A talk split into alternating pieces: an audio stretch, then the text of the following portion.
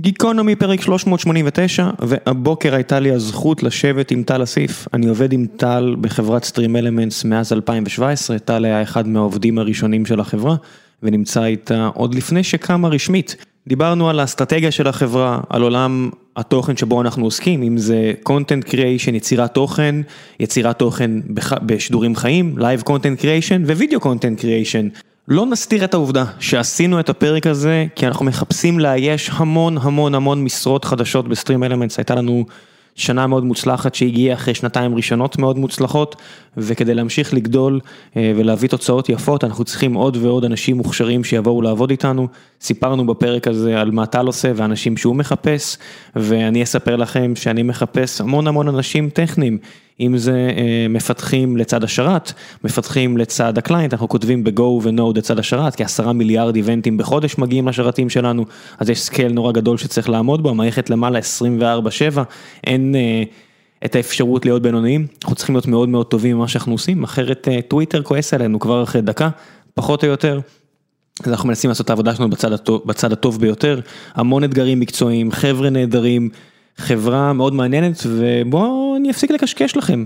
בואו תשמעו בפרק הזה מה אנחנו עושים ואם מעניין אתכם תשלחו מייל אליי או אל טל או שפשוט תגישו קורות חיים דרך האתר שלנו. כמו שתראו אנחנו מחפשים גם מעצבים ואנשי מכירות ואנשי תמיכה ומה לא.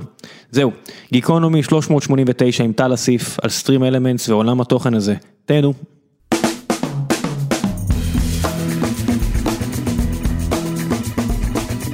גיקונומי פרק 389 ואחר צהריים זה יש לי את הכבוד והזכות לארח את טל אסיף שאני רואה אותו על בסיס יומי אבל הפעם יש מיקרופונים בינינו. שוב! שוב בוקר טוב ראה למה בוקר טוב צהריים אתה תלוי. האמת שזה הבוקר היה כבר מזמן.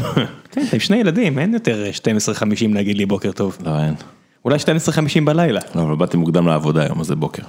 היום מקווה שלי פז לא שומעת את זה אבל היום פעם ראשונה מזה הרבה מאוד זמן עשיתי את עצמי ישן. מה כשבארי בכה?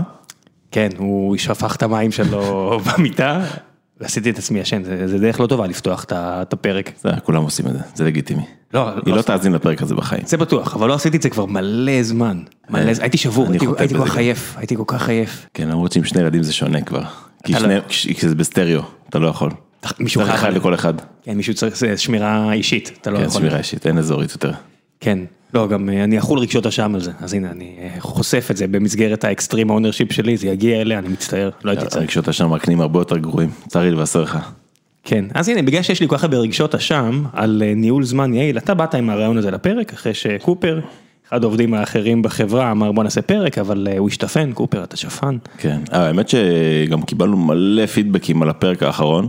שעשינו זה היה די מזמן, ואנשים עד היום בלינקדאין שולחים לי הודעה שהם שמעו את הפרק וזה זה היה להם סופר מעניין, כי זה באמת משהו שלא מוכר כל כך בישראל, ואולי גיקונומי לא אולי בטוח, זה המקום היחיד שמדברים על live streaming, על טוויץ', על gaming, לא על gaming יש עוד פודקאסטים, אבל בעניין של יוצרי תוכן אנחנו בערך היחידים. אני אגיד לך ככה, אני מספר את ה... אנחנו מראיינים עכשיו מלא, אנחנו מראיינים מלא מלא אנשים, אני, אתה, כולם פה, ואני בכוונה לוקח את השיחות הראשונות, בדרך כלל ברוב החברות יש איזושהי... מנהלת כוח אדם או מנהל כוח אדם שלוקח את השיחה הראשונה ומספר קצת, אבל כיוון שהחברה שלנו כל כך שונה, כן. מ-99.99 אחוז, שזה כל השאר מהחברות בשוק הישראלי, אני לוקח את השיחה הראשונה ואני מנצל את העשר דקות הראשונות לספר על סטרים אלמנטס. ובסוף השאלה אני מספר להם שחלק מהערכים של, שלי ובחברה זה אקסטרים אונסטי, אם יש לכם שאלות תשאלו, אני אענה בכנות על הכל. ואני כל פעם לוקח את השאלות שלהם. ומחזיר את זה בחזרה לפיץ'. והפיץ' הוא התחיל ברבע שעה, עכשיו הוא ירד לשבע או חמש דקות, בשלב מסוים אמרתי, אני אומר את הפיץ' הזה חמש-שש פעמים ביום, קשה כל יום, קשה כל יום, אתה יודע מה אני הולך לעשות עכשיו? אני הולך להגיד פה את הפיץ', עשיתי לך אמבוש, חשבתי על זה היום בבוקר. ואני הולך להגיד לאנשים לפני הראיון, טוב לי גם. כן, אני הולך להגיד לאנשים, אם יהיה פיץ' טוב, בוא נראה, אני הולך להגיד לאנשים, לכו לפרק 389, דקה שלוש עד דקה תשע, תאזינו, תחסכו לי 6 דקות. מעולה. אתה נותן לי? אתה נותן לי? לך על זה אחי. יאללה. StreamElements נוסדה למעשה במרץ 2017, לאחר שאור פרי, ה founder והלב הפועם של החברה, עד היום, לקח את התשוקה והתחביב שלו של streaming ו gaming וכל עולם התוכן הטוב הזה, ויצא להקים All in One Platform for Live Content Creation. ובואו נפרק את המשימה הזו לשניים. All in one platform ו-Live Content Creation. למה Live Content Creation? סיבות אובייקטיביות וסובייקטיביות. א', זה מעניין מאוד את כולנו בחברה, כולנו מתעסקים ביצירת תוכן בצורה כזו או אחרת, כולנו אוהבים אה, יוצרים עצמאיים, והשוק הזה עצום, ענק, underutilized, underserved, רק גדל כמו שהיקום גדל, ככה השוק הזה גדל. מתחת ל-content creation אה, יש video content creation, subset של השוק הזה, שהוא הרבה יותר מעניין בעינינו, הרבה יותר גדל, מן הסתם הוא חלק מהשוק, אבל הוא הולך וגדל במערב, במזרח, ומתחת ל-video content creation יש Live Content Creation, שזה היה בעיקר טוויץ', אבל גם זה יוטיוב לייב ופייסבוק לייב. ואינסטגרם. אינסטגרם, אה, וזה היה כעשרה אחוז מהשוק, היום זה כבר שלושה עשר ארבעה אחוז מהשוק, זאת אומרת פגענו בול בתחזית שלנו שזה ימשיך לגדול גם ביחס לשאר השוק, של ה content ושל ה video content creation, והכי חשוב, השוק הזה היה אוקיינוס כחול. היו מעט מאוד חברות, אבל כשאור התחיל לשחק עם זה ואתה הצטרפת אליו וכל מיני חבר'ה אחרים ב-2016, 2017, אה, לא היה כמעט כלום. הוא עדיין שוק, הוא עדיין. כן, כן, אבל בואו נספר על על העניין הזה. ובמרץ 2017 אה, בעצם יצאנו לדרך עם אסטרטגיה מאוד ברורה, ואני הולך לנסח אותה עכשיו בכמה משפטים. הרעיון הוא להסתכל מה הפלטפורמות הגדולות במערב, פייסבוק עם פייסבוק לייב, יוטיוב עם יוטיוב לייב, טוויץ' של אמזון, והיה מיקסר של מייקרוסופט, עושות טוב ומה הן עושות לא טוב. מן הסתם מדובר על 4 מחמש חברות הטכנולוגיה הגדולות בכל הזמנים, אז בואו לא נהיה דבילים גמורים ונניח שהם עושים חלק מהדברים טוב, נשים בטור הטוב דברים שהם עושים טוב, נשים בטור הרע את הדברים שהם עושים בטור הרע. בואו נתחיל בטור הטוב. כל החברות האלה הן חברות DevOps מופלאות. מה זה אומר? אתה יכול להעלות כמה וידאו שאתה רוצה לשרתים שלהם, זה לא טריוויאלי, כי איש טכני, אני יכול להגיד, ובאיכות גבוהה, 1080p, כמה שאתה רוצה, כמה אנשים ברחבי העולם דוחפים וידאו, דוחפים וידאו, דוחפים וידאו, הם אוכלים את זה בלי בעיה, לא טריוויאלי.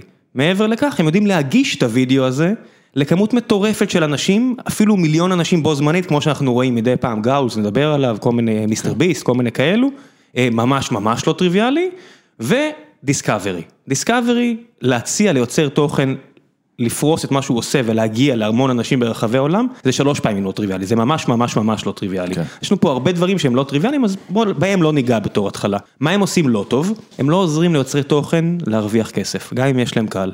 לא באמת. קצת כן, הרבה, הם עדיין חותמים צ'קים, אבל לא מספיק. הם לא עוזרים ליוצרי התוכן לבסס קשר טוב יותר עם קהילת הצופים שלהם, והם לא עוזרים ליוצרי תוכן לעשות את הקטע הזה שנורא חשוב להם, ליצור תוכן. כן, האיכות, ברמת כן. האיכות. שום דבר, הם מאפשרים לך, בוא שים אצלנו את התוכן שלך, אנחנו נפרסם אותו ואת כל הדברים האלה. אז שלושה דברים שאנחנו לא עושים, ושלוש מטרות שזיהינו שאנחנו כן רוצים לעשות. והאסטרטגיה שלנו היא כדלקמן.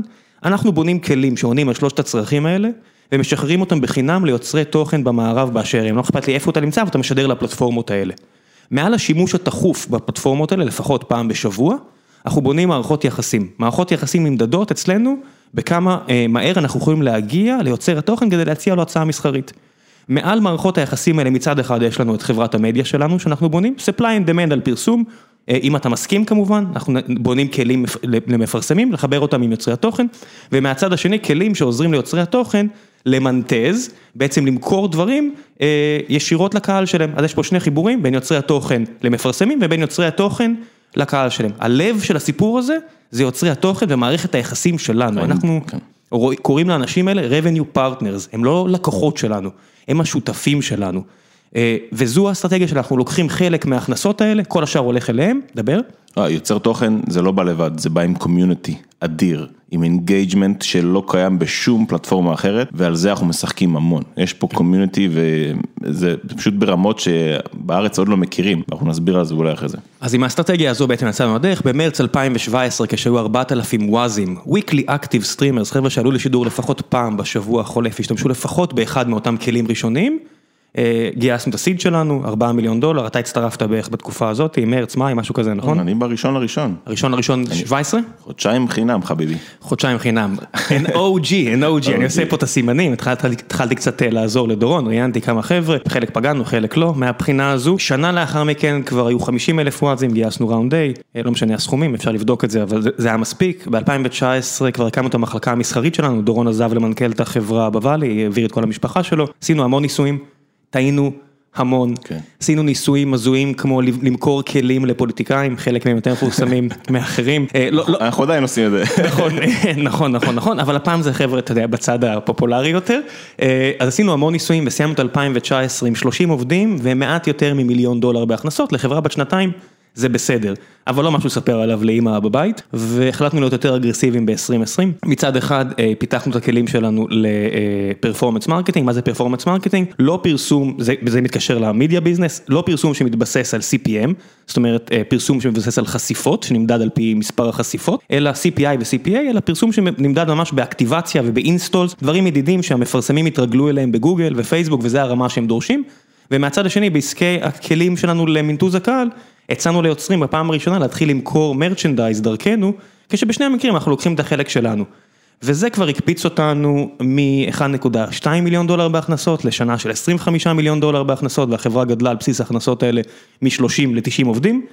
וסוף 2020 אנחנו במצב טוב ומוכנים לאתגרים הבאים שלנו שיש שורה אינסופית מהם כשחלק מהם זה אומר שאנחנו עולים ב-level וממשיכים גם בעולם הסטרימינג אבל גם בעולם ה-VOD בפעם הראשונה שזה שוק שגדול פי 7-8 מעולם הסטרימינג אבל אנחנו לא עוזבים את הסטרימינג זה הלחם שלנו זה זה הבסיס זה הליגה יש ליגת האלופות אבל אנחנו אנשים כן, אנחנו חזקים בליגת העל. חלקנו אנחנו עובדים גם fantasy אבל על כל הדברים שמשתמעים מכך. וזה 2021, אנחנו חברה שמאוד מחוברת לצרכים של היוצרים שלה, לצרכים העסקיים שלנו, ובפרק הזה אנחנו מדברים, נדבר גם על החברה וגם על עולם התוכן הזה של live streaming, מה הולך, מה לא הולך, מה ההזדמנויות, מה אנחנו רואים מולנו, נעשה קצת שאלות מהקהל ונחזור לעבוד, ואם מישהו מכם רוצה לבוא לעבוד איתנו. יש לי, יש לי pitch טוב בסוף, נשמור את זה לסוף. תשמור לסוף, אתה תיתן לי קונטרה? אני אתן לך. יאללה, ספר לי קצת משהו מעניין מהשבוע האחרון. וואו.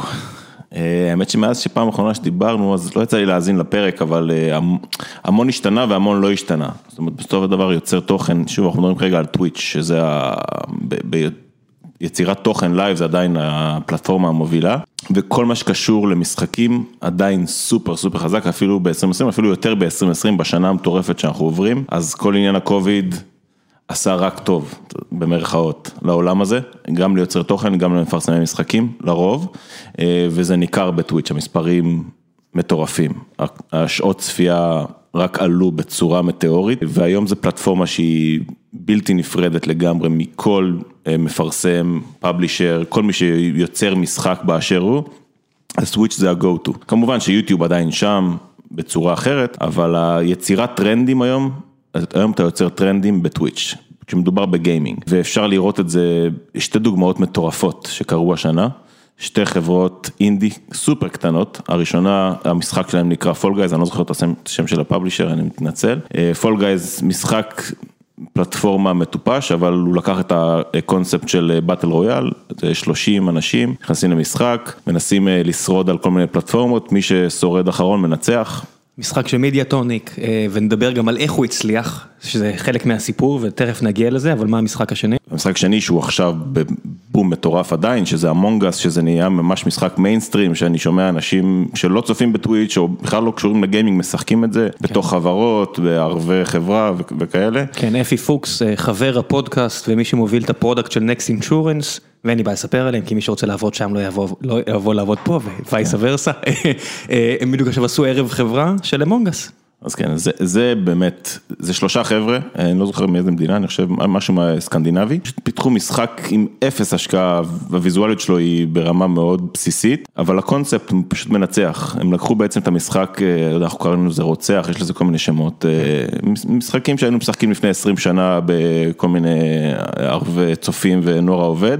לא, מה אתה מדבר, ווירוולף וכאלה שזה גרסה אחרת של זה, כן, יש עוד מעט מגיע אורח גיא ורדי, אחד האנשים הכי חכמים שאי פעם פגשתי, בן אדם שפגשת אובמה, ופעם ראשונה שאנחנו נפגשים, ערב ראשון שאני ממש יושב מולו, אנחנו משחקים ווירוולף, היה צריך להפריד בינינו, היה צעקות. אז כן, אז זה מה שקורה גם בטוויץ', אז פשוט מה שהם עשו, הם לקחו את המשחק הזה ויצרו לו איזושהי פלטפורמה ויזואלית שאפשר גם לשחק את זה, הוסיפו לזה עוד כמה אלמנטים נחמדים, מה שזה עשה לטוויץ' ובכלל לעולם המשחקים זה פשוט מטורף, זאת אומרת זה יצר, אנשים עושים תחרויות, זה נהיה e-sport ממש, כאילו תחשבו המשחק שאתם מכירים מלפני 20 שנה שהיינו משחקים, נהיה e-sport של אנשים שמנסים לנחש מי הרוצח, וזה הוביל גם ל clashים מטורפים וריבים בין יוצרי תוכן וזה פשוט, גם ניסינו את זה פה בחברה, זה לא הולך למקומות טובים בדרך כלל הדברים האלה, במיוחד שיש אנשים תחרותיים בסיפור. אז זה שני דברים שקרו השנה, שוב על קצה המזלג. שני משחקים זעירים, מצד אחד אנחנו רואים תופעה ש League of Legends, משחק של Riot Gaming שהוא בן מה, 16? 11. 11, מצליח בטירוף. ומשחקים אחרים כמו Fortnite רק הולכים ו... לא, לא הולכים וגדלים, אבל שומרים על מעמדם, חברה של, משחק של Epic גם הולך טוב, כן. ומשחקים שלוקח שנים עד שמתבססים ואז אי אפשר להוריד אותם מהקטע, מהפודיום, ומצד שני באים לך משחקים כאלו. ששוכבים בשקט עד שמה קורה? תזכיר לי מה קרה כדי ש Fall Guys יתפוצץ, מה זה היה? Soda שיחק את זה או משהו כזה? כן, יוצר תוכן פשוט אחד הגדולים, אה, Sodapoppin ו Lirik, פשוט ראו את זה ב Steam, אמרו אוקיי נראה נחמד, אמנם החברה הם כן דחפו את זה קצת ב Steam, השקיעו קצת בפרסום, אבל מספיק שיוצר תוכן בסדר גודל כזה, משחק את המשחק הזה, קהילה שלו בטירוף, ואז עוד יוצרי תוכן רואים את זה, ואז זה פשוט מתפוצץ. וזה משחק של 30 דולר, זה, זה לא, לא כמו המון, זה לא שזה פרימיום. 5 דולר, כן. יש שם גם in-game purchases, אבל אה, 30 דולר למשחק כזה, הם, הם חברה, הם חבר'ה גאונים, הם גם מאוד השקיעו ב social שלהם, והם היו super engaged בטוויטר, ממש אה, צחקו על יוצרי תוכן שלא מצליחים לנצח, ויצרו סביב זה קהילה סופר חזקה, והם עשו המון המון כסף. עושים. עדיין עושים, כן, אה, קצת דח, כן, זה לא תופעה כמו של Fortnite או League of Legends שיהיה טורנירים מסביב, זה- לא משחקים שעוברים את הקו ונהיים semi professional או כאלה שיוצרים, שעובדים איתנו, יכולים לשחק בהם 10 שעות ביום לאורך שנים, זה לא זה. כן. מצד שני יש לך את הדוגמאות השניות, חברות שכן מפתחות משחקים במשך יותר משנה, אה, נשים רגע את סייבר פאנק בצד, כי זה סיפור אחר, אבל ניקח נגיד משחק כמו Apex Legends של EA, שהשקיעו בו המון המון כסף, גם בפיתוח של המשחק וגם בקידום שלו, והוא באמת בהתחלה שלו הוא ב top של טוויץ', ב top של בוא המכירות. נדבר שנייה על איך זה קרה, איך, איך חברה כזאת, מה היא עשתה בטוויץ', לפי מה שאנחנו יודעים, לא, לא היינו מעורבים ישירות בתהליך הזה. אז לא סיפרנו את זה נכון, זה יצא אחרי הפוד הקודם שלנו. הם עשו מהלך מטורף, הימרו פה על הכל.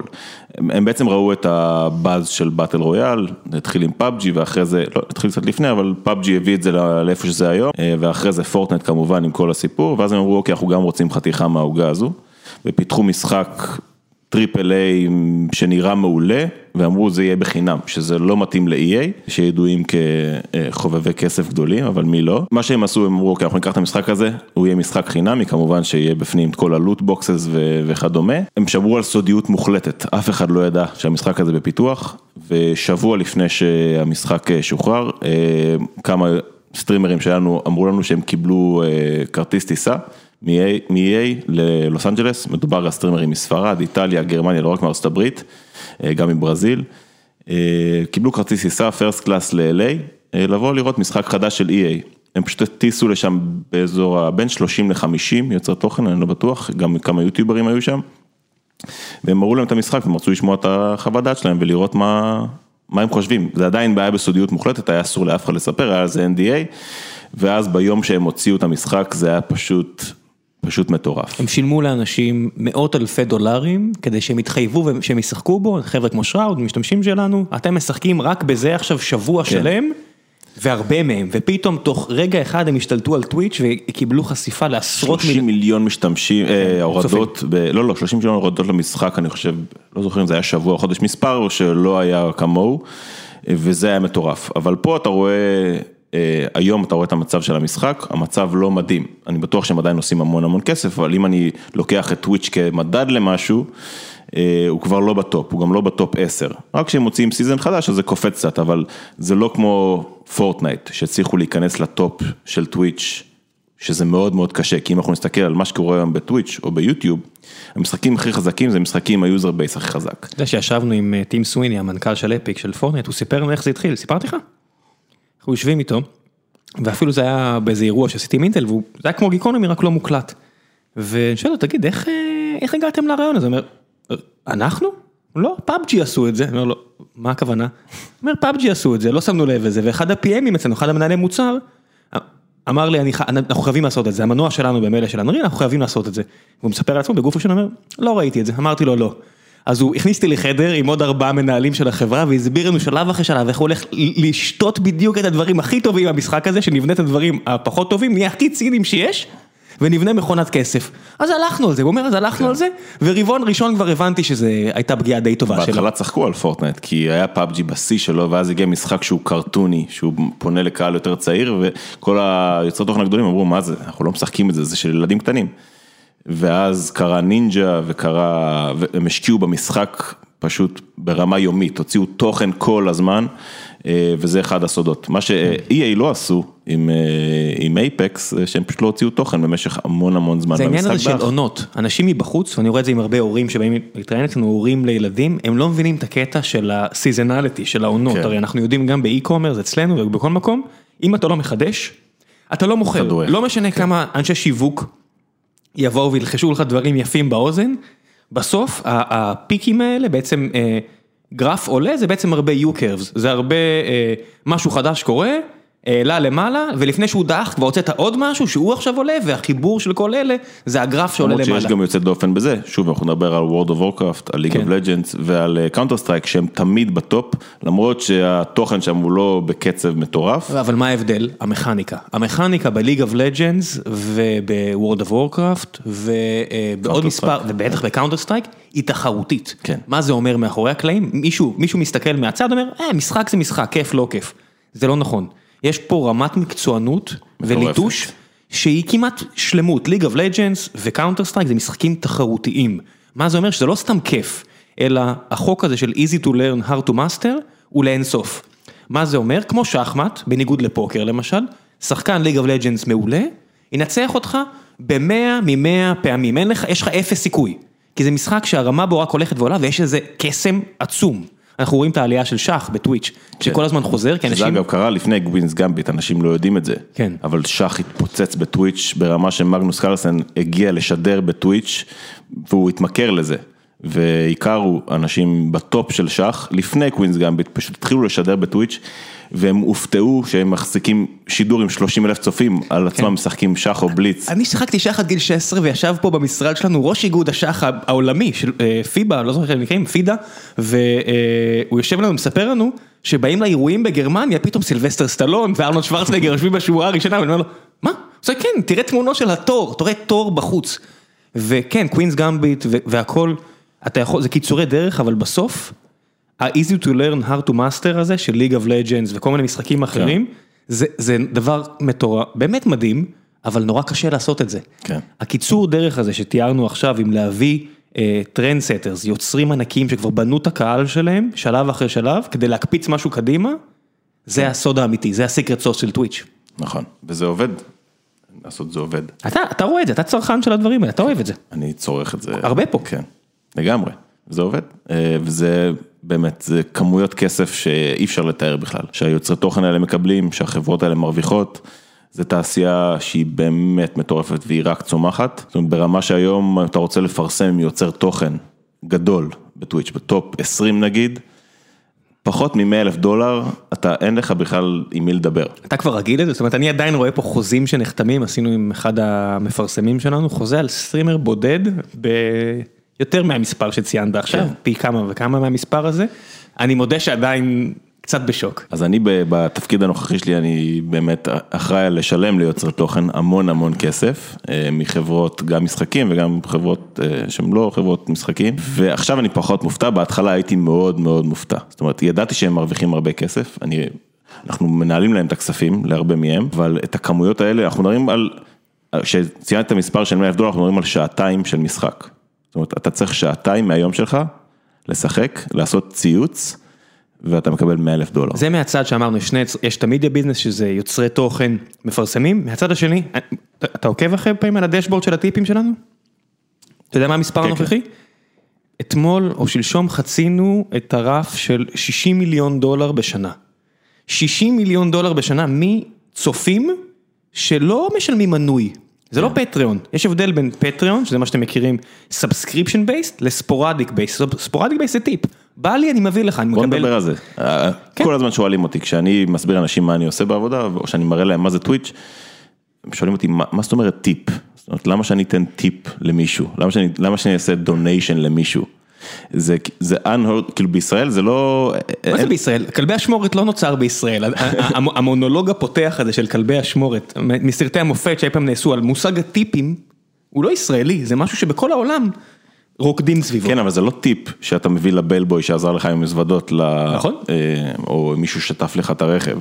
זה אתה צופה ביוצר תוכן, הוא משחק משחק שאתה אוהב, ואתה בלי שום, אין שום, אין, אין פה action ו reaction, זה רק אתה פשוט נותן חמישה דולר לבן אדם הזה, כן. עכשיו, יש הסיב- אקשן, הסיבות- אנחנו הוספנו action ו reaction. כן, אבל ברור, אבל ה- ה- הבן אדם שעושה את זה, היום כן, היום הם עושים את זה הרבה בשביל ה-reaction, כי היום יש מה שנקרא text to speech, לא רק היום, כבר המון המון זמן, יש text to speech, ואנשים בעצם תורמים, עושים donation ליוצר תוכן כדי שיקראו את ההודעה שלהם, או שאיזשהו בוט יקריא את ההודעה שלהם, או שהסטרימר יקריא את ההודעה שלהם, והם רוצים איזשהו engagement עם הסטרימר, שבסופו של דבר טוויץ' מתנקז המון לזה, ל engagement של הקהל עם היוצר תוכן, והרצון שלהם שהיוצר תוכן יכיר בהם, או יזכיר את שמם, וכדומה. כן, והכי מצחיק, אנשים עכשיו ששומעים את זה בדרך, בפקק, לא יודע אם יש פקק, יש קורונה, ומצקצקים ולא מבינים, אבל אם תשים אותם ליד תום קרוז, מה הם יבקשו? אפשר תמונה? כן. אתה יכול להגיד משהו לילד שלי, אתה יכול זה, אתה יכול זה, וזה זה מדהים איך זה אותם התנהגויות בכל מיני מקומות שהם פשוט ברפליקציה למדיום אחר. זה אותו דבר, אותו רצון של בן אדם שאתה נהנה ממה שהוא עושה, שיכיר בך באיזושהי צורה. כן, ויש יש מים בטוויץ', שהסטרימרים הבאמת גדולים, ששוב, שהם מרוויחים מיליונים של דולרים, כשמישהו תורם להם, אז כולם כותבים בצ'אט, tipping to המיליונר, כאילו, למה אתה נותן כסף למיליונר? וזה קורה, זה קורה כל הזמן וזה ימשיך לקרות. כן, אה, אז, אז זה על מושג הטיפים ודיברנו קצת על פרסום. בוא נדבר על דברים שלא קרו. אנחנו מכירים מאז 2017, אה, אני הייתי בטוח שדברים יקרו, כשאני הצטרפתי, דורון מכר לי אה, חלומות, אני מכרתי לעצמי חלומות, ספר לי מה הדברים שלא קרו שאתה חשבת שיקרו. בעולם של של הסטרימינג או כן, בחברה? בעולם- בעולם שלנו. לא, החברה זה, אתה יודע, כולנו יש את ה... שאלה קשה, דברים שלא קרו. אין- לי... אני חשבתי שפרשנות ספורט תיכנס. באמת אה. חשבתי שפרשנות כן, ספורט, אתה אתה מאמין בזה מהיום הראשון? אני לא הפסקתי, אני כבר לא דוחף לזה כי יש את החוק של גיל, של אה, אם זה לא גדל לבד בלי שאתה בונה לזה ערוגה, כן. כנראה שאין סיבה לבנות הערוגה, צריך למצוא את זה הגידולי לא פרי. מספיק engaging, הם עוד לא שם. אה, ספורט ב live streaming הוא עוד לא שם, זאת אומרת, במובן שלנו, כמובן שהם משדרים משחקים, אה, ליג פאס אה, זה מוצר סופר מצליח. דיברתי עם The Buzzer, דיברתי עם כולם, כולם רוקדים סביב זה, כולם רוצים להיות חלק מהעולם הזה, יש חברות בארץ, ירון טלפז וכל מיני כאלה שמתעסקים בדברים האלה, כן. ואני ואתה, אתה יודע, יוצא פרק של ביל סימן שלוש שעות אה, לקראת ה-NBA, זה שותים חגיגה. את זה, כן, כן. מבחינתנו זה חגיגה, מבחינתי, ועדיין, וראיתי שהוא כן, התחיל, אבל אני לא אצפה בזה בלייב, אתה מבין? בדיוק, אז הוא עושה- הוא עשה ניסויים, כן, לא פניתי הצליח. אליו אז, והוא עשה ניסויים בטוויטר. בטוויטר הוא עולה, הם וזה- ניסו גם בטוויץ' ואני גם פניתי אליו והם לא הצליחו. לא, זה איזה משהו נשבר, זאת אומרת יש, יש צורה מסוימת של אה, מדיה או סוג מסוים של מדיה שמתאים לנגיד ולא, רק, רק נכון. אודיו, רק אודיו, הוא גם לא עושה יוטיוב. גם היוטיוב שלו, VOD, הווידאו on demand, משהו שם לא עובד. כן. יש, יש מוצרים שהם לא תוכננו ל, ל, לצרוך אותם לייב, אה, או בווידאו בכלל. אודיו, לא. עדיין זה פלטפורמה סופר חזקה. כן, עדיין לא פיצחנו את זה, צריך להגיד את האמת, לא ניסינו, יכול להיות שיום אחד נבנה כלים ייעודיים לחבר'ה האלה, אם מישהו באמת אה, יביא לנו את הסיבה לעשות את זה, אנחנו לא עושים דברים סתם ככה. אה, אני לא יודע מה להגיד לך, אני הייתי בטוח שזה יצליח. מה שכן קרה אגב זה הרבה מיינסטרים, celebrities ופוליטיקאים שנכנסו לטוויץ' והבינו את הפוטנציאל האדיר שיש להם שם, לגרוף עוד, בעצם לייצר לעצמם קהלים חדשים, אז הפוליטיקאית, אה, שכחתי את שמה, AOC. AOC, אה, כן, קורטז. קורטז. אה, היא צייצה שהיא הולכת לשחק Among Us בטוויץ'. אה, עם כמה יוצרי תוכן מהמובילים, ומה שזה עשה זה פשוט יצר באז מטורף, השידור הזה היה יותר מ-100 אלף צופים, זה עשה לה שירות אדיר עם הקהל צעיר, והרוויח כל כך הרבה נקודות, אה, ויותר יותר ויותר אנשים סלבריטאים, בוא נקרא לזה בארצות הברית בעיקר, משתמשים בפלטפורמה הזאת כדי ליצור לעצמם קהל חדש, אה, הרבה ספורטאים עושים את זה, שחקני פוטבול שמשחקים היום Call of Duty, הבן של לברון משחק באופן קבוע, שישחק בזה ולא עם אשתו של פיפן. כן. רק ארצות הברית, אה, זה מדהים, כן. זה המדינה הנפלאה בעולם והכי פחות נפלאה כן, זה בהרבה בחינות. זה מדהים, כן. לכו תקראו. לכו תקראו, כן. כן, אז זה היה מוחלטת. אבל זה בגלל שהם כנים. אתה רואה את אה, את דורנט מעלה סרטונים באובססיביות מה- מהחד- מהחנייה של גולדן סטייט, כן. ומיד דיברנו איתם עם המועדון, כי הם קלטו שיש פה משהו אמיתי, אבל שבאים לך פוליטיקאים, אה, אתה יודע, של פעם, זה לא משנה בני כמה הם, אבל הם של פעם, הם באים עם הדף מסרים שלהם, ועם אה, היועץ הפוליטי שלהם, וזה לא מעניין אף אחד. כן. מצד אחד, אני הייתי רוצה להגיד שהעולם השתנה, אבל אתה רואה שבטוויטר הדברים האלה עובדים.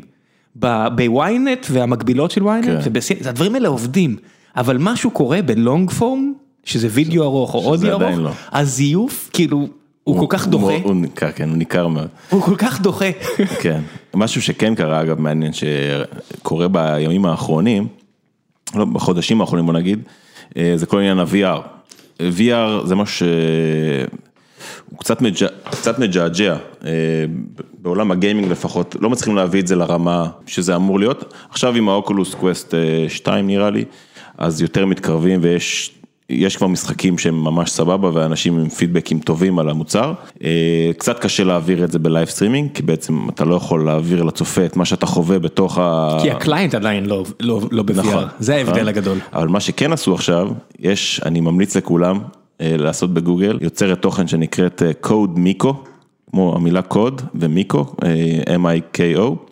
היא עשתה משהו מטורף, היא עכשיו שוברת את טוויץ', היא, היא הייתה מעצבת גרפית או אנימטורית, לא יודע בדיוק מה, מה ה skill set שלה, היא יצרה לעצמה דמות ב-VR, אה, ממש אה, נראית בדיוק כמוה, והיא לובשת חליפה בזמן שהיא משדרת בטוויץ', והיא מראיינת אנשים בתוך, בתור הדמות הזו. וזה פשוט עשוי מעולה. אז יש לה, לה קוראים קוד מיקרו ולאישה האמיתית שעושה את זה, אז קוראים לה The Technician, פונים אליה כדי Technician, כי היא ה-Technician של, של הדמות VR הזאת, וזה פשוט עשוי מעולה. ועכשיו VR זה טרנד שתופס מאוד מאוד חזק. הקהל מאוד צמא בסוף לחידושים, אם הם נעשים בצורה מספיק כנה וטובה, יש את הדוגמה של מיסטר ביסט, היוטיובר. כן. מה, אתה מדבר פה עם בן אדם... אם אתה מגיע לוויינט אז כנראה ש... אז אז אני לא מדבר על וויינט, אני מדבר, הרי אנחנו צורכים את הדברים האלה הרבה לפני ועוקבים אחריהם מקרוב הרבה לפני, הרי יש פה עניין של כנות. הוא לא עושה בכאילו, הוא אשכרה מחויב לדברים האלה, כן. לתעלולים שהוא עושה, אם אתם רוצים שתחפשו מיסטר ביסט, אה, או שמעתם עליו בכל מיני מקומות, כן. והמקבילים שלו גם בטוויץ', שוב, אתה מזהה את הזיוף. הם לא הכי יפים החבר'ה האלה, רובם אה, כן. אפילו לא יפים בכלל. אתה לא יכול להחזיק זיוף בטוויץ'. שידור לייב של... זה העניין של ה long form. כן. וזה גם מה שמחבר לא את האנשים. כן, זה פשוט הכי אותנטי שיש, ורואים את ה downfalls ורואים את כל החסרונות, וזה מה שכל כך יפה בטוויץ', גם אנחנו שמים רגע את גיימינג בצד, יוצרי תוכן בין אם אנשים שמכינים אוכל, או יש, יש מישהו שעושה hitchhiking בכל העולם, אה, עכשיו אה, זה משהו בשנתיים האחרונות עם, עם מצלמה, וזה פשוט תוכן מטורף, כי זה כל כך אותנטי, והוא חווה דברים ואתה חווה את זה איתו, וזה מגניב לאללה, ואתה יכול, הוא משדר שמונה שעות, אז אתה יכול לצפות בו חצי שעה פה, ללכת להמשיך לעבוד או לעשות משהו אחר, ואז לחזור לצפות בו ולראות איפה הוא הגיע עכשיו, זה סופר כיף. מהצד השני, קצת צוחק עליי שאני תמיד עוקב אחרי זה, כל מה שקשור ל... די, אל תגיד ASMR. אני אגיד ASMR, אבל מה שמעניין אותי ב-ASMR, בניגוד לטוויץ' האחר ויוטיוב האחר, ASMR אה, לרוב נשים, אבל לא רק, אה, נשים שלוחשים למיקרופון. לוחשות, כן. לא מה לחשות, זה גם אה, ראיתי גם נכון, נכון. זה הכל, זה העניין הזה של ליצור כאילו תחושות עם המיקרופון, אבל מה שמעניין אותי שמה, זה שהקהילה שלהם, קהילת הצופים שלהם, כל כך הרבה יותר נעימה. משאר הטוויט שהרבה פעמים זה לא היה ככה תמיד אגב. מה מה השתנה? בהתחלה היה סופר רעיל, אני אומר הרבה סופר. בהתחלה זה היה מאוד רעיל. אה, ASMR, הצורה שקיבלו את זה בטוויץ' היא הייתה מאוד מאוד סקסיסטית וישר גולש לאזורי הפורן. ו... זה הגיע, הרבה מהאנשים שהגיעו לשם, אני חושב, אני מסתכל על זה גם ביוטיוב, אה, זה כוכבות פורנו, הרי גם, אה, איך נקראת הפלטפורמה? שאני חושב עליה. אונלי פנס. אונלי פנס עושה עכשיו big bucks, כן. אחד העסקים הכי מרוויחים בתחום ה content כן. זה מאוד אירוטי, כן. מלהוציא אה, נשים מעולם הפורנו לעולם הזה. וגם, שמע, אצלנו, אחת המשתמשות שלנו זה סאשה גריי, מכוכבות הפורנו המפורסמות, אז היא לא עזבה את הפורנו לסטרימינג בין לבין, היה פעם עלייה. יש בה כמה כוכבות פורנו שהן בטוויץ', הן נהיו מיינסטרים בטוויץ', והן עדיין, הן מקבלות הרבה זבל מהקהל, אבל זה כבר מתחיל להיות standardized, גם ASMR וגם מיה חליפה וסאשה גריי ומיה מלקובה שהגיעו לטוויץ'. אה, ועזבו את הפורנו. והן נהיות מיינסטרים. כן. והן משחקות משחקים, והן עושות אה, פודקאסטים, וזה כאילו, זה, זה מטורף. כן, לקחו את החבורה של האנשים הכי רעילים בתת התרבות, כן. ודי שברו, they crushed their party. אני, אני מודה שכליברל מניאק אני נהנה מהדבר הזה, לראות את זה מהצד, כן. שבאו לכל הילדודס ולכל ה-white incels וכאלה, ואמרו להם, שלנו גם. כן, אז, אז טוויץ' זה כבר לא קהל צעיר כמו פעם. יש קהל הרבה יותר בוגר בטוויץ'. אה, פעם באמת זה היה מאוד מאוד, זה היה 21 ומטה, היום אתה רואה קהל הרבה יותר בוגר, יש משחקים שיצפו בהם רק חבר'ה בוגרים יותר, אה, ולא רק ילדים.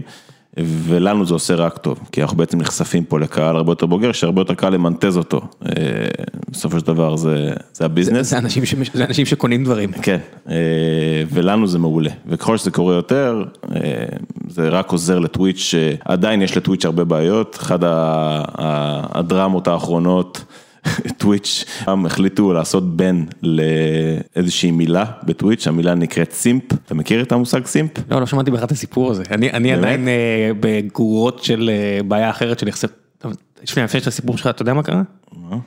אוקיי, למי שלא יודע, כמו שאמרנו, טוויץ', יש הרבה קהל אה, בעייתי, ובארצות הברית יש מילים מסוימות שאסור להגיד. אחת מהן זה ה-N-word, אני אפילו לא הולך להגיד אותה. למרות שאנחנו בארץ, אני לא אגיד אותה. The N word, אסור להגיד אותה. ואשכרה השכבנו אה, לא מעט מאמצים כדי למנוע מאנשים... את כל הגרורות שלה. את כל הפרמוטציות, במקום E, 3, כל הדברים האלה, כדי לדאוג מצב שמישהו לא... זה הרבה יותר יצירתי משלוש. כן. נכון, נכון, אני רק הולך על הדברים כן. הטריוויאליים, שלא יהיה מצב שרובוט שלוקח טקסט שמישהו שילם כדי שיקריא משהו בלייב את המילה הזו. כי זה, בארצות הברית אין, אין יותר דגל אדום מזה. כן. ואנחנו ישראלים מטומטמים, באמת צריך להגיד, אנחנו לא יודעים, מה זה מטומטמים? זה תרבות שונה לגמרי. זה לא רק ה-N-word, זה גם על נאצים ועל... אה, כל ה-N-word שאתם יכולים כן. לחשוב עליהם, ובעיקר אבל ה-N הזאתי, כן. והשתמשנו באיזה מצגת פנימית בתוך החברה, בדוגמה, כי אנחנו בונים עכשיו מוצר חדש ויש בו גם את הפרופניטי פילטר, כן. ובדוגמה יש את המילה, את ה-N-word, ואשכרה קיבלתי מיד בשלושה אמריקאים, אנחנו עכשיו החברה כבר רובה לא ישראלית. לא מיד אמרו לי, אמרו לי, שמע זה מאוד בעייתי הדבר הזה, זה פעם אחרונה שזה יקרה, אוקיי, כן, הבנתי, אוקיי, אנחנו לומדים. אנחנו לומדים, כן, אז סימפ?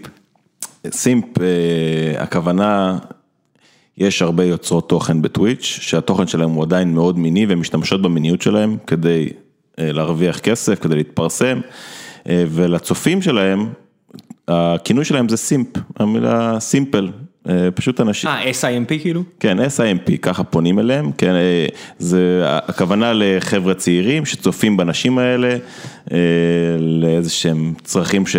whatever שיש להם, והם תורמים להם המון המון כסף ו subscribe ים ו donations, אז, אז פונים אליהם כ simps. וטוויץ' לפני שבועיים החליטו שהמילה simp, או המושג simp, הוא banned, אסור להגיד אותו יותר. אז עכשיו קוראים להם סימפסונס. כן, כן, זה העבודה שלנו, זה חלק מהעבודה. זה חלק מהעבודה שלנו, כן. המשחק הזה של אה, מה מותר ומה אסור להגיד, טוויץ' הייתה קצת מחוץ לדיון הזה, כי היא הייתה בשולי התרבות האמריקאית, והיא כבר לא.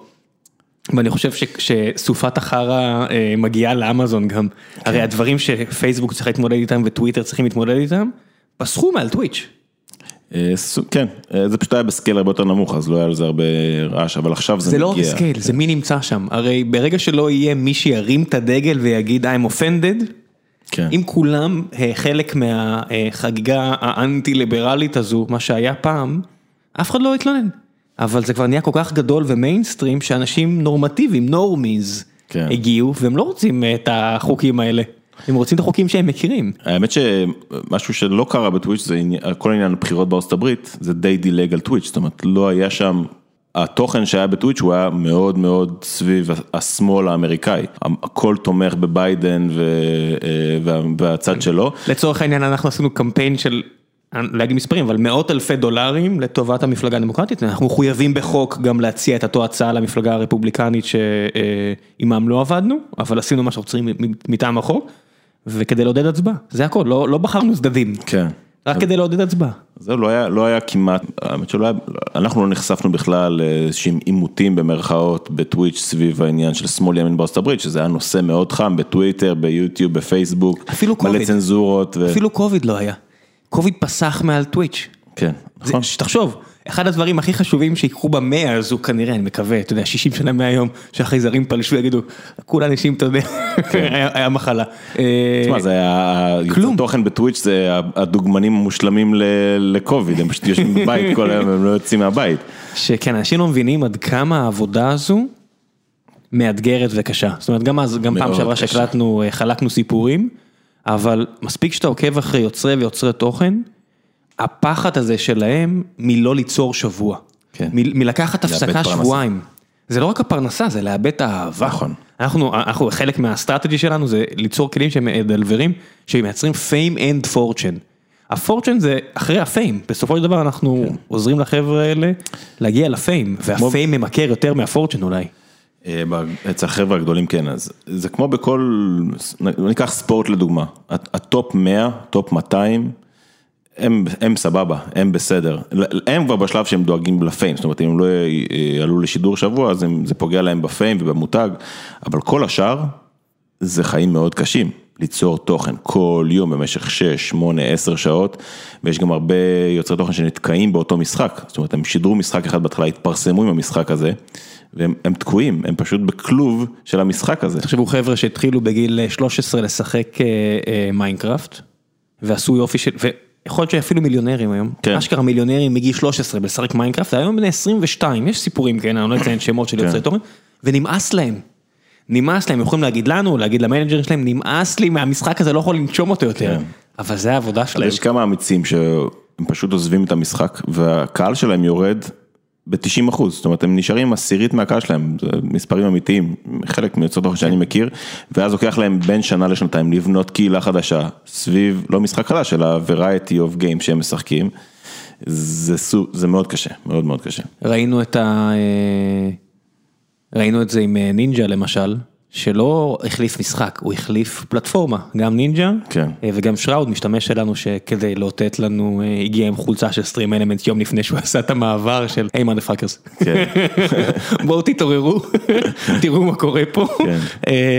כן, והקהל שלו נחתך, מי יוצר התוכן הכי גדול בעולם, בעולם שלנו. נינג'ה זה היה גם טיפה יותר קיצוני, גם כשהוא עוד שהוא היה בטוויץ' בשיא שלו. כשהוא לא היה משחק פורטנייט, כשהוא היה משחק משחק שבא לו לשחק, הוא מאוד אוהב פיינל פנטזי, הוא היה משחק פיינל פנטזי, הוא היה יורד מ-80 אלף concurrent viewers ל-10 אלפים. as is, פשוט ככה. וזה מראה, היום הוא כבר במקום אחר, הוא מאוזן יותר. שראוד, לדוגמה, הוא יכול לשחק מה שהוא רוצה, כי פשוט הוא גאד גיימר, והוא טוב בכל מה שהוא משחק, ואנשים יצפו בו לא משנה מה הוא משחק. שזה די מדהים. זה מטורף. בין לבין, מאז הפעם האחרונה שהקלטנו, טוויץ' נהייתה ממש ממש טובה. טכנית, כמי שעובד איתם, ממצב שאני אומר, אוף, מתסכל לעבוד עם החבר'ה האלה, לגאד דאם החבר'ה האלה טובים במה שהם עושים, זאת אומרת, אנחנו עובדים איתם בהרבה דברים, זאת אומרת, מהצד הטכני ברור שהשיפור שם הוא עצום. זאת אומרת, אני יכול להגיד לך, הם משתפים אותנו בחלק מהדברים, והמערכת יחסים התהדקה, ותענוג לעבוד איתם, ומצד שני, אתה רואה חברות אחרות. כמו מייקרוסופט, עם כל הכסף שהם שפכו, ראינו מהצד אנחנו, אמרנו, הם, הם, לא, מבינים, הם לא יודעים את העבודה. כן, אבל מיקסר של מייקרוסופט היה, מבחינה טכנית היה מצוין. נכון, לא, אבל אני אומר משני הצדדים, כן. פרוד, פרודקטית ו, וטכנית, אז טוויץ' עושים מלא דברים טוב, זאת אומרת, הם באמת. לא כן, סתם. אבל יש להם את ה... יש, הם יש היו ראשונים, אז יש להם את ה... גם זה כן. חלק מה... אמזון קנו ראשונים פלטפורמה, ואתה רואה את מייקרוסופט, עם כל השם שלהם, החברה עם השווי השני או הראשון הכי גדול בעולם, ביחד עם אפל. והם סגרו את הבסטה, השנה. גם יוטיוב לייב אגב, אם לא היה, אם זה היה מוצר stand alone של כל החברה האחרת, הוא היה נסגר. כי הוא פשוט מוצר לא מספיק טוב עדיין, ברמת ה discovery קשה מאוד, אם אתה מגיע מטוויץ' ליוטיוב לייב, קשה לך מאוד להתמצא, אתה לא מבין מי נגד מי, מאוד קשה למצוא את מי שאתה רוצה לראות, כן. מתי הוא שידר פעם אחרונה, את ה VODs שלו. זה... אבל עדיין אני לא הייתי מהמר, בגלל שזה מחובר ליוטיוב, שהם כן. לא, כזו אני, רמה. אבל אז אתה נכנס לנגן, ואתה רואה נגן של יוטיוב, לעומת נגן של טוויץ', של אמזון. זה שמיים וארץ, הנגן של יוטיוב הוא כל כך חלק ואתה יכול להעביר אחורה וזה סימלס לגמרי. טוויץ', הנגן שלהם הוא עדיין לא ברמה הזו. איזה אתגר זה, אנשים אומרים, ראיתי אה, שיחה של אנשים שאומרים, מה הבעיה לעשות נגן טוב? אמרתי להם, קחו לסיבוב את האפל TV בטלוויזיה החכמה שלכם, אם יש לכם. נסו להעביר אחורה, נסו לחזור לנקודה שבה הייתם, נסו כל מיני דברים כאלו. או לחילופין, אה, תסתכלו על הולו. חברה בסדר, תראו כן. מי הבעלים שלהם, לא חברה קטנה. ואז תעריכו את דיסני פלוס או את נטפליקס או את נגן של יוטיוב, לגן. הדברים האלה הם כל כך לא טריוויאליים לא, טכניים. נגן של נטפליקס זה... זה אין, מושלם. אין דבר כזה. לא רק, לא רק הנגן עצמו, הקישור, אתה, יש לך בר אחד בטלפון ואתה יכול לראות ב-1080p, אני לא יודע מה הם עושים שם, אבל זה פשוט מטורף. כן, זה כל כך לא טריוויאלי טכנית, כן. זאת אומרת, אם שמניתי בהתחלה את האסטרטגיה שלנו על מה אנחנו תוקפים, מה אנחנו לא תוקפים, אנשים אומרים לי, מה אתם מתחרים בהם? לא, לא, לא, לא, לא, לא, אנחנו שותפים שלהם, כן. אנחנו אוהבים אותם, אותם אנחנו אוהבים את כולם באותו רמה, כי מה שהם עושים, טכנית, אנשים אומרים, למה שהם יסגרו את יוטיוב יוטיוב לייב, גם אם יש להם רק 10% מהשוק, זה לא 10%, כי העלויות של להחזיק את המפלצת הזאת, כן. זה לא נתפס. זה פסיכי, זה לא מיליארדי מבינים. דולרים, זה לא... זה כל כך לא אני טריוויאלי. מחכה ליום שיעשו את הקפיצה ל-4K, זה יהיה, זאת אומרת ברגע שיש שידורים לייב ב-4K וזה יגיע, אני לא יודע איך הם יעשו את זה, מבחינת bandwidth ומבחינת storage זה יהיה פשוט, ה-5G כנראה, אני מניח שזה מה שיאפשר. אה, אני מחכה לספורט. תספר לי קצת, בוא נעבור, לפני שנעבור לשאלות מהקהל, תחזיות שלך למה יקרה. מבחינת ספורט בטוויץ', לא, באופן כללי, טוויץ' ועולם ה live streaming ו video content creation, לאיפה זה הולך? אה, השנה הזאת עשה להם רק טוב, אה, העניין של טוויץ' שהם חייבים, אני לא במצב לייעץ להם, אבל יש המון ביקורת על טוויץ', שזה הגיוני, עם user base כזה גדול שיהיה המון ביקורת. כשאתה הכי- כשאתה הכי טוב, הכי גדול, הכי יפה, ככה זה. כן, יש המון ביקורת של יוצרי תוכן, גם הגדולים ביותר על טוויץ', על האופן שבו הם מתנהלים, יש עכשיו סיפור מאוד גדול סביב DMCA, אה, שבעצם יוצרי תוכן בטוויץ' לא יכולים שיהיה מוזיקה קופירייטד בשידור שלהם. מה שהיה ברמה- טריוויאלי מאוד ביוטיוב, ביוטיוב, אם אתם שמים קטע משיר, המערכת שלהם יודעת לזהות אוטומטית ולהגיד לאמן, היי, מישהו שם את הקטע מהשיר שלך, יש כן. חברה כמו, חברה בשם ארטליסט בארץ שעוזרת ל- ל- אבל למוזיקאים. זה, זה רמה הרבה יותר גבוהה, כי יש המון. יוצרי תוכן שמסתובבים, שהם עושים לייב ב- ב- ב- ברחוב, בקניון, וברמה שיוצר תוכן, אם הוא עובר בקניון ליד חנות שמשדרת שיר של דרייק, אז הם יכולים לקבל DMCA strike ויכולים לסגור להם את הערוץ ולתבוע אותם, לסגור את המוניטיזציה, לגמור אותם. לגמור אותם, זה גומר להם את הקריירה בשנייה. וזה מאוד מאוד מפחית את היוצרי תוכן בטוויץ' ברמה שהם לא יכולים לשדר מוזיקה חוץ מאת ה library של טוויץ' או כל מוזיקה שהיא copyright free ב SoundCloud וכאלה. היה לי את זה, אתה זוכר מה היה לי עם ספוטיפיי? עשינו איזשהו פיצ'ר עם ספוטיפיי, פשוט עם ה-API הפתוח כן, שלהם, כן. הפומבי.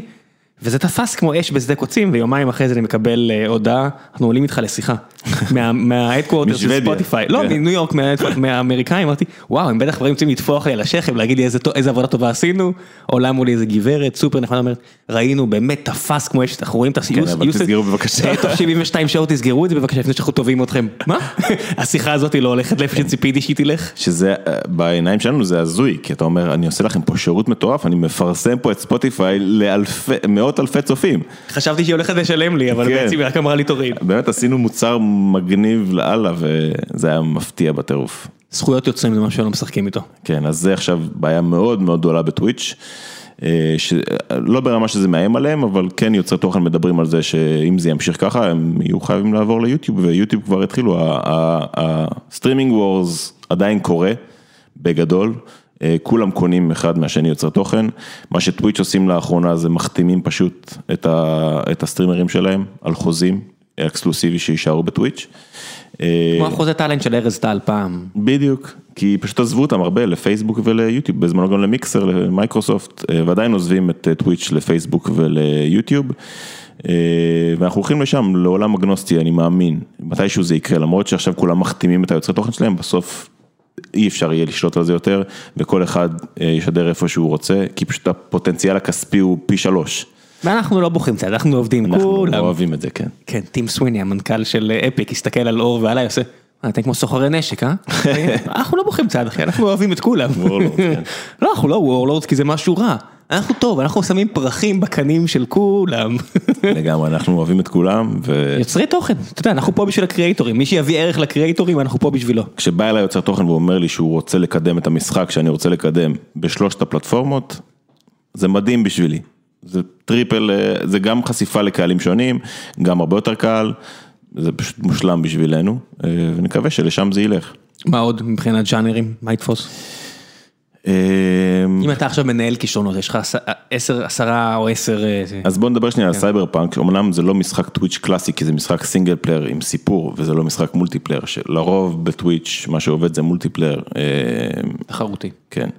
אה, סייבר פאנק, אני לא יודע אם אתם יודעים, אני לא יודע איפה המניה של החברה של CD Projekt היום, אבל זה משחק שעבדו עליו באזור השמונה שנים, זה היה אמור להיות ה launch הכי גדול של single player אי פעם.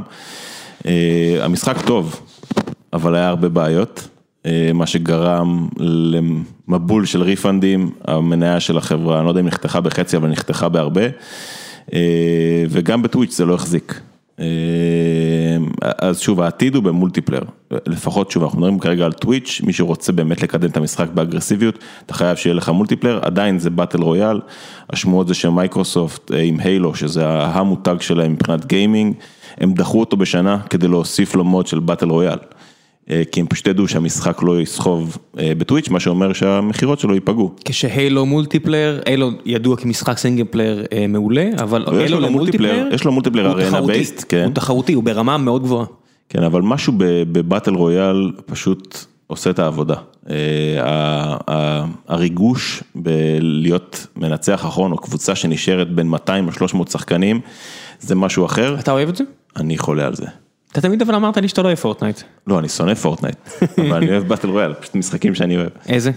Of Duty עכשיו עושים עבודה מאוד טובה, כן. אני- גם רואה שזה תופס. כן, זה הם הצליחו לבסס, of Duty תמיד היה חזק, אבל גם החוויית ארנה שם, 4v4, 6v6, היה לה תקרה, תקרת זכוכית, שרק Counter-Strike שבר אותה בגלל שהמשחק הוא מהוקצע ברמות, אה, ועכשיו הם הצליחו לשבור את התקרה הזכוכית הזאת ולהיכנס ל top 6, top 7 בטוויץ', אה, שוב, זה, זה שזה חינמי, זה משנה הכל, of Duty זה משחק שעולה 60 דולר, הם הוציאו mode חינמי של ה battle royale, וזה פשוט אה, הצליח בטירוף. מה עם משחקי ספורט? תשמע, NBA 2K, הוא, יש לו, הוא, לא, הוא לא מחזיק טוויץ', אה, אבל זה לא אומר שהוא לא מצליח.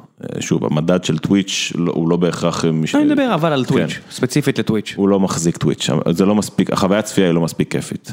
יש ליגה מאוד חזקה של 2K עם קבוצות NBA שמעורבות שם ומחזיקות franchise של esports, אבל זה לא מחזיק אה, צפייה. Super Smash של נינטנדו, אז בטוויץ' מדשדש מאוד, אבל ביוטיוב הקהילות מאוד חזקות. כן, אבל כשיש אירוע גדול של Super Smash, אז גם ב- בטוויץ', כשיש תחרות גדולה, יהיה צפייה מטורפת בטוויץ'. למי שלא מכיר, אה, משחק אה, שרץ כבר המון, franchise רץ המון המון שנים בנינטנדו ומפגיש כל מיני דמויות מהעולם של נינטנדו ומעולמות תוכן אחרים, אבל המכניקה של המשחק הזה כל כך עמוקה. כן. אתה רואה זה חבר'ה, נראה אתה- פשוט, אבל זה אתה- לא. אתה לא- הם סופרים פריימים על המסך כמו משחקי מכות קלאסיים, אבל יש כל כך הרבה מורכבות, כן.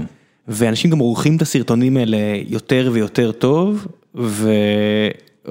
פיפא מאוד מצליח בטוויץ', אבל יש המון ביקורת על פיפא, כי כשאתה נכנס ליוצרי תוכן הכי גדולים של פיפא, אתה לא רואה gameplay, אתה רואה אותם פותחים packs, זה מה שהם אתה עושים. מצליח להחזיק את זה? אני לא, אני לא רואה את זה. אני אני לא- מת על פיפא, אני משחק פיפא, אני אוהב לראות פיפא, אבל היום כשאתה צופה, גם ביוטיוב אגב, לא רק בטוויץ', הרוב זה סביב ה Ultimate Team, שזה המון opening פקס ולבנות קבוצות. אני לא מבין את הקטע הזה, אני לא מבין את מה שהם עושים. אני לא מבין את החוויה הצפייה בשביל הסיכוי שהוא יפתח מעשר. אנשים אוהבים לראות, אנשים פותחים קופסאות, זה הזוי, זה גם בהרדסטון ככה, פוקימון. פוקימון פוק- ביוטיוב, פוקימון עכשיו זה, אה, האמת שזה גם סופר חם בטוויץ', לפתוח חבילות של פוקימון של קלפים אמיתיים. התרבות הזו של לדרג אותה מ-1 עד 15 או לא יודע כמה, אה, מצטער זה מקומט למעלה, זה כבר, אה, זה כבר, זה קלפים לא- ששווים אה, עשרות אלפי דולרים, עשרות אלפי דולרים, כן. זה יש נהיה לך- עכשיו קונטנט חם בטוויץ', יש אנשים לך פותחים צ'ריזרד קופסאות. שקוף? וואו. את זה אני ממש לא מבין, פוקימון רחוק ממני שנות אור, אני לא מבין לא, אנחנו לא- כלום אנחנו בזה. לא בגיל הזה, אני יכול להבין אה, את ה- את ההייפ, כן. אבל בפיפא זה כאילו, בפיפא יש את המשחק, אתה מבין? יש את הכדורגל, וחוץ כן. מכדורגל יש כדורגל אמיתי. אז יש את כל הדברים האלה, בפוקימון, כן, זה מוזר לי. אה, NFL, אגב, מדן הוא לא משחק שמצליח כל כך בטוויץ', אבל איך אתה מסביר את זה? שוב, החוויה הצפייה היא לא מספיק כיפית. זה מאוד כיף לשחק את זה, לא כיף לצפות בזה. אה, כי זה, אז- אז אתה מאוד מרגיש את המשחק, אתה פחות רואה אותו, זאת אומרת, אתה עם הקורטרבק, אתה מוסר ואתה צריך לרוץ עם השחקן, אתה, אתה מאוד חי את המשחק, אבל מי שצופה בזה מהצד, זה נראה לו לא טוב.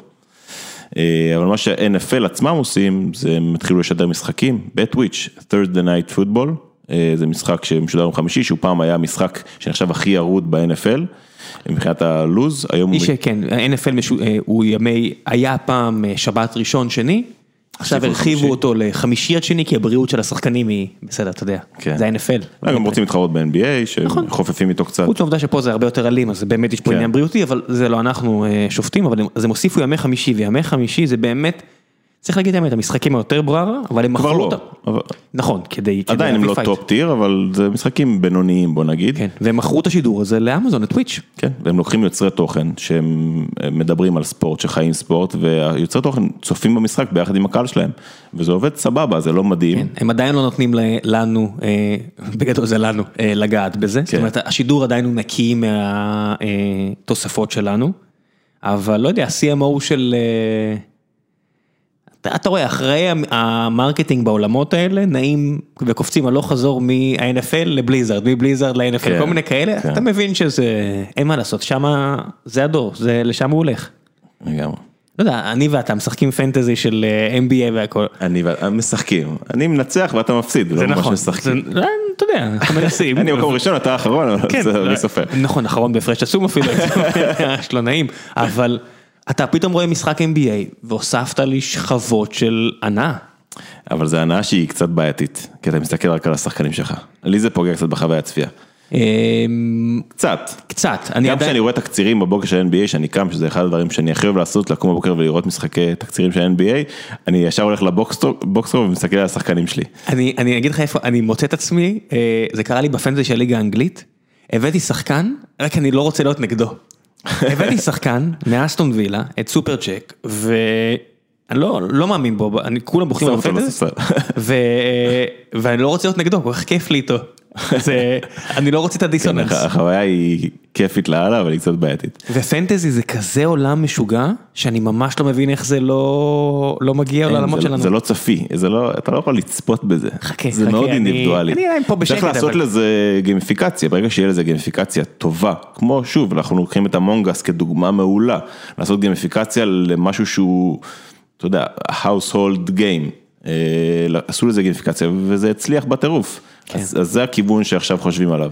פנטזי של ליגה אנגלית, לעניות דעתי, 8-9 מיליון שחקנים, פנטזי של NBA, אני מניח מספרים דומים. כן. הפוטנציאל עצום. המון אה, כסף. אני מאוד רוצה שנגיע לשם, אבל כאמור, אנחנו מאוד אה, מדויקים ממה שאנחנו עושים, ואנחנו לא מתעסקים רק בגלל שראם רוצה, גם אם זה... כן. לא, לא, לא, יאללה, לא נעבור עובד. לשאלות ואז יש לי סיפור קטן שמוביל לאג'נדה שלי. יש לך אג'נדה? יש לי אג'נדה, לכולם יש אג'נדה. אה, עידו שבח קליין שואל, בסיסי אבל נראה לי חשוב, מבין היוצרים העצמאיים שעושים live, מהו אחוז היוצרים שתלויים במחשב, ומה האחוז שפשוט מצלם את עצמו, עושה פעילות מסוימת, כמו בישול, נגרות או הברחת דביבונים, אה, או או חדר או כושר. האכלת בר- ברווזים. כן. אכלת ברווזים, חדר כושר, יש לנו הרבה חבר'ה כן, שעושים יש חדר שם כושר. קונטנט הזוי בטוויץ', אגב, תיכנסו לטוויץ'.tv, תיכנסו לקטגוריה שנקראת Just Chatting או Lifestyle או whatever, אתם תראו שם דברים, במיוחד מה שמגיע מהמזרח, מקוריאה, המון סושיאל איטינג, המון דברים מדהימים. אפשר לחשוב שבפלטפורמות אחרות, בטוויטר, אתה יודע מה זה מתן חלק? כן. כן, מתן הבאר שבע, אתה מבין, כאילו כל פלטפורמה שיש בה את מתן זה לא- זה לא חלק, בן אדם אמיתי, אבל זה כן, זה כן, אבל... אה, זה דור מושכל על אה, כן, כן, ספידים. כן, כן, ככה זה שאתה גדל בבאר שבע. טוב, תן לי, אה, תענה לשאלה. אז זה הולך וגדל, זאת אומרת התלות ב-PC והסטרימינג של PC הולך והאחוזים אה, מתיישרים, זה אומר שזה בערך באזור ה-70-75 אחוז לסטרימינג של PC, אבל ה- ה- זה הולך וגדל. כן, מישהו שואל פה האם הברחת דביבונים זה לא דינמי מדי? כן, אז זה לא יכול להיות דינמי מדי. בסוף אה, גם הכי מקצוענים צריכים, הכל מדויק מאוד ואתה לא יכול לעשות תוכן רע. כן. אם אתה רץ, יש, אה, יש, אה, יש קהל להכל, אתה רק צריך לעשות את זה נכון. אה, גיל שואל, זה נראה לי יותר שאלה אליך, אם כבר inside baseball, שאלה לרמו, זה בעצם שאלה אליך, מתוך המשחקים הנצפים בטוויץ', הרוב הגדול משחקים לא חדשים, Fortnite 3 שנים, League of Legends 11 שנה, אה, וואו של בליזרד 16 שנה, למה לדעתכם משחקים חדשים יותר לא משתלטים על הטבלה? אז דיברנו על זה, בסופו של דבר מה שמכריע זה ה player base, שיש הרבה שחקנים למשחק, יש הרבה צופים למשחק, ו WoW ו League ו Counter-Strike ו Fortnite יש להם player base ענק, ובסופו של דבר מי שמשחק את המשחק רוצה לבוא ולצרוך תוכן של המשחק שהוא אוהב, רוצה לראות אנשים שהם יותר טובים ממנו, רוצה ללמוד דברים חדשים, ושם יהיו הצופים, בגלל זה יש המון טרנדים, לקחנו את Apex כדוגמה, שהוא היה בשיא אז היה מלא צפיות כי מלא אנשים שיחקו את זה. עכשיו פחות אנשים משחקים, פחות אנשים צופים, זה עובד בדרך כלל ב- בק- בקווים מקבילים. כן, אז Hearthstone של בליזארד ושחמט וכל מיני כאלה שיש הרבה אנשים שפשוט רוצים להשתפר. כן, פשוט רוצים להשתפר, נכון. אז הם באים ורואים את זה בטוויץ'. אה, גיל שואל, אה, מה ה feature request הכי לא צפוי שקיבלתם מ streamer? או, יש לי סיפור טוב לזה. אה, יש לנו streamer שפנה אלינו, הוא בנה לעצמו בית חכם. אה, זאת אומרת, הכל, כל המוצרים בבית שלו, כל, כל מה שיש לו בבית הוא חכם ומחובר אה, ל-IoT או איך שאתה רוצה לזה. לאינטרנט. כן. אז הוא פנה אלינו, אמר שהוא רוצה לחבר את ה-API שלנו לבית שלו. מה זה אומר? הוא רוצה שהקהל בצ'אט יוכל לשלוט לו על הבית, אבל לא ברמה של להדליק את האור או לכבות את האור. תרמוסטט. ברמה של להדליק לו את המזגן על שתי מעלות, ברמה של אה, לשים לו מוזיקה, ברמה של להזמין לו פיצה. הקהל בעזרת הצ'אט, בעזרת איזשהו קרנסי של הערוץ, יכול לעשות דברים מטורפים בבית שלו.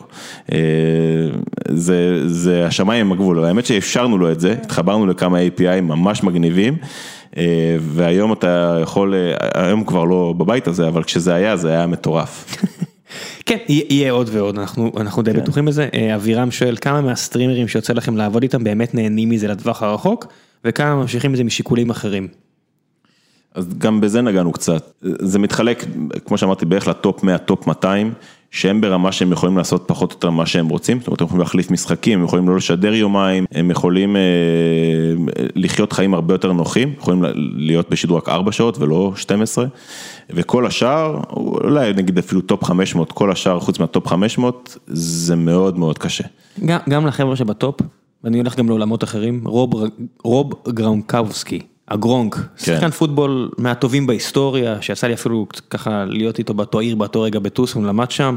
אמ, אתה רואה שהוא חזר, וזה ספורט עם מחיר אמיתי. כן. לא, זה לא טוויץ', זה לא סטרימינג, מחיר אמיתי והבן אדם שפרש, אמרתי איזה גבר שהוא פורש לפני שיש לו בעיה מוחית, שלקח אליפות. שלקח אליפויות עם עם ניו אינגלנד, ואחד מהטובים בכל הזמנים, והוא חזר. כן. האהבה הזאת שאתה מקבל והריק שיש לאחר מכן, אנחנו בני אדם כולנו בסוף, אין מה לעשות, לא כולם יודעים להשלים את זה בלי. אגב, מה שקורה בספורט וקורה גם עם יוצרי תוכן, אה, זה הדיבור על דיכאון ועל התמודדות עם דיכאון.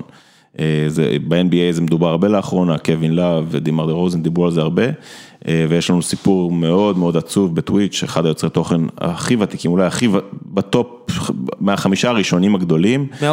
אה, כן, ששם קץ לחייו לפני, לא, לא זוכר, חצי שנה או שנה, אני כבר לא זוכר.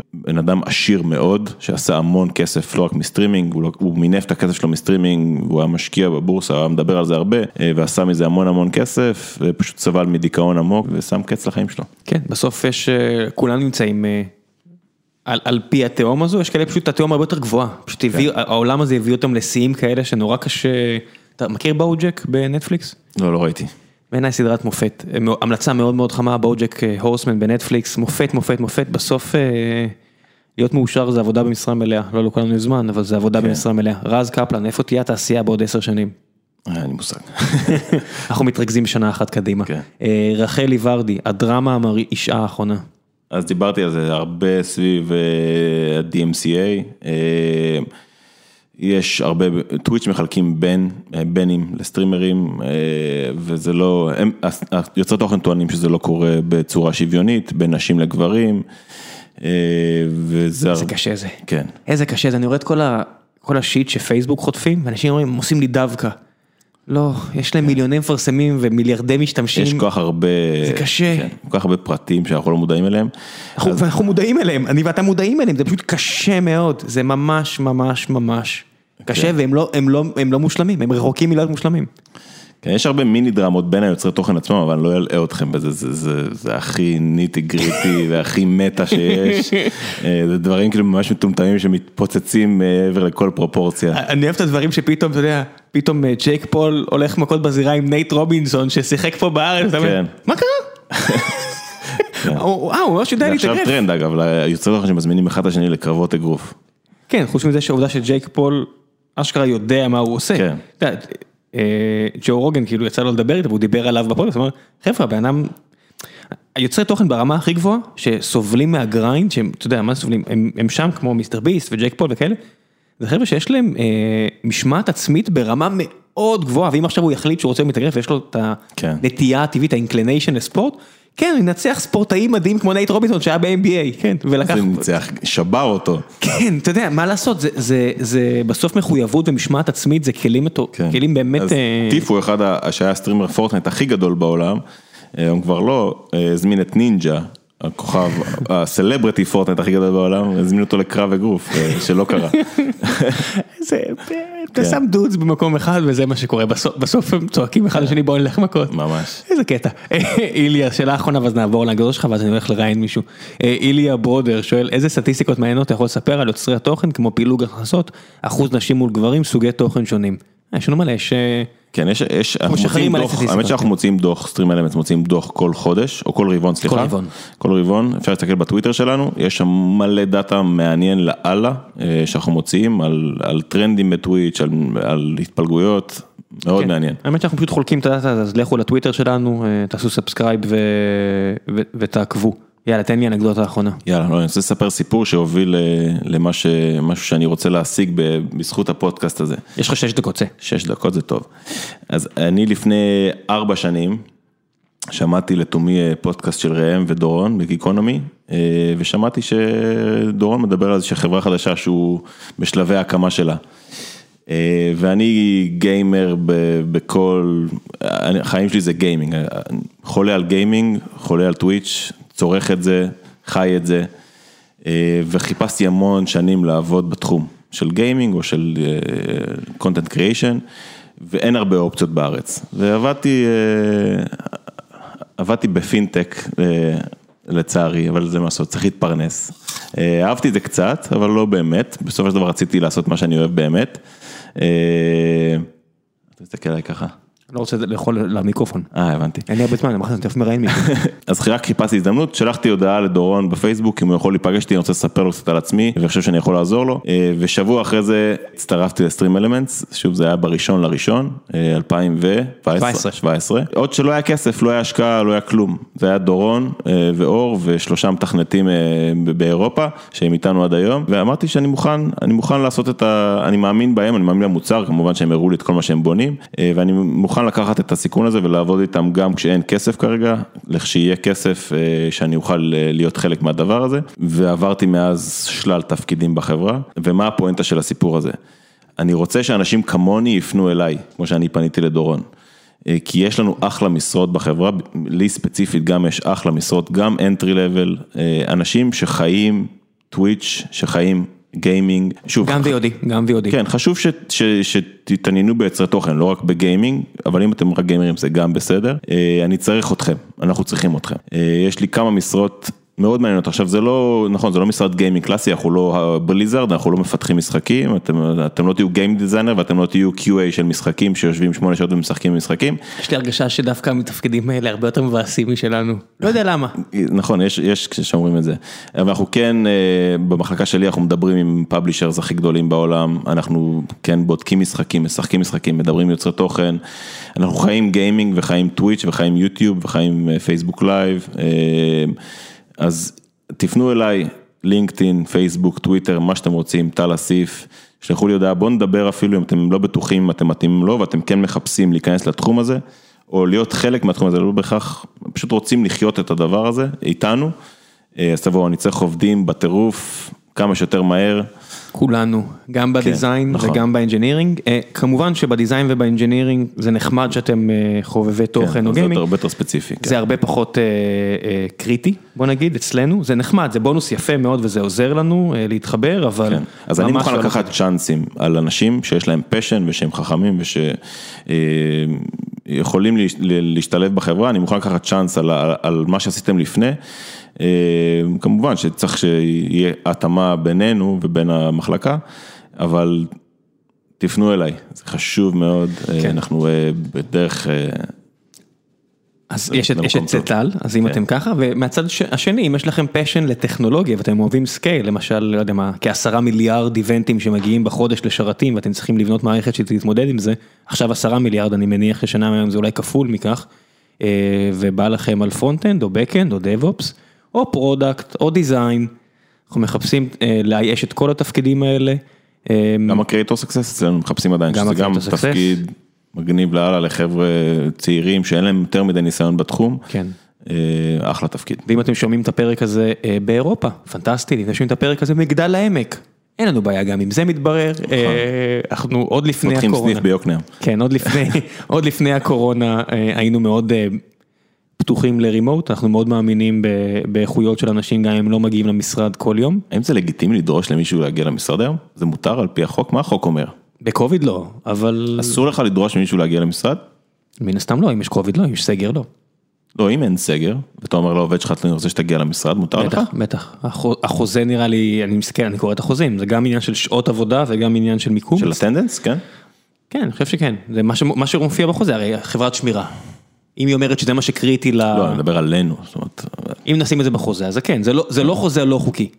להגיע בשעות מסוימות לעבודה, אנחנו פשוט לא לא חברה כזאת. כן, אני פשוט מאוד אוהב שאנשים פה במשרד, יש פה דינמיקה מעולה. אני מאוד אוהב את זה, אבל אני כבר ב-2020, שאתה צריך, 2021, שאתה צריך להתחרות על כישרונות ואנשים עם פשן ותשוקה לעשייה מכל סוג, מול החברות הכי טובות בעולם, אני בוחר את הקרבות שלי. הרבה יותר חשוב לי, נגיד בצד הטכנולוגי, שיהיה להם תשוקה אדירה לטכנולוגיה, כן. מאשר שיגיעו כל יום. זהו, טל תודה רבה, נתראה תודה, ב-2022 לפרק הבא, אה, אלא אם כן יקרו דברים אה, ושישנו את המסלול ונעשה עוד פרק השנה. כן, רמז, ביי. ביי.